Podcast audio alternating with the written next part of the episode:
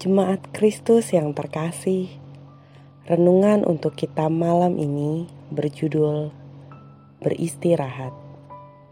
Dan bacaan kita diambil dari kitab Keluaran pasal 31 ayat 12 sampai dengan ayat ke-15. Beginilah firman Tuhan. Berfirmanlah Tuhan kepada Musa, Katakanlah kepada orang Israel demikian. Akan tetapi hari-hari sabatku harus kamu pelihara. Sebab itulah peringatan antara aku dan kamu turun-temurun. Sehingga kamu mengetahui bahwa akulah Tuhan yang menguduskan kamu. Haruslah kamu pelihara hari sabat, sebab itulah hari kudus bagimu Siapa yang melanggar kekudusan hari Sabat itu, pastilah ia dihukum mati.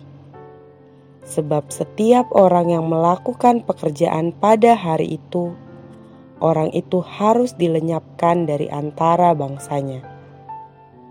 Enam hari lamanya boleh dilakukan pekerjaan, tetapi pada hari yang ketujuh haruslah ada Sabat, hari perhentian penuh hari kudus bagi Tuhan. Setiap orang yang melakukan pekerjaan pada hari Sabat, pastilah ia dihukum mati. Ada banyak cara orang untuk beristirahat. Ada yang menikmatinya dengan berolahraga atau berjalan-jalan bersama sahabat. Ada yang berekreasi dengan bermain video game atau menikmati makanan enak. Ada juga yang menikmatinya dengan tidur atau sekedar bermalas-malasan di rumah. Saya sendiri menikmati istirahat dengan pergi ke tempat wisata alam. Apa pun caranya, istirahat adalah bagian yang tak terpisahkan dari hidup kita. Namun, ada sebagian orang yang melihat istirahat sebagai sesuatu yang tidak produktif. Memang, pada zaman ini semua orang dituntut untuk bersaing dan berusaha menjadi yang paling unggul. Seorang pegawai terpaksa bekerja lembur setiap hari supaya tidak dicap sebagai pegawai yang supaya tidak dicap sebagai pegawai yang kalah rajin dibandingkan yang lain.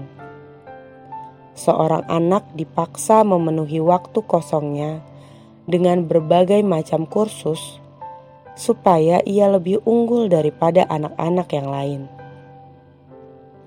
Akan tetapi, mari kita mengingat bagaimana secara khusus Tuhan menciptakan hari Sabat apabila mengikuti polanya ketika menciptakan dunia. Sesungguhnya Tuhan sedang mengajar kita untuk bekerja selama enam hari, kemudian beristirahat di hari yang ketujuh. Melaluinya, Tuhan hendak menunjukkan bahwa istirahat bukanlah sesuatu yang tidak produktif. Sebaliknya, inilah kunci keseimbangan hidup.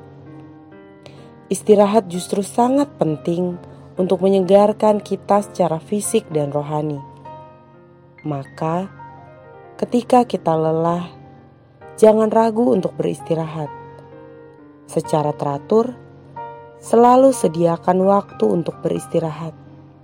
Setelah istirahat itu,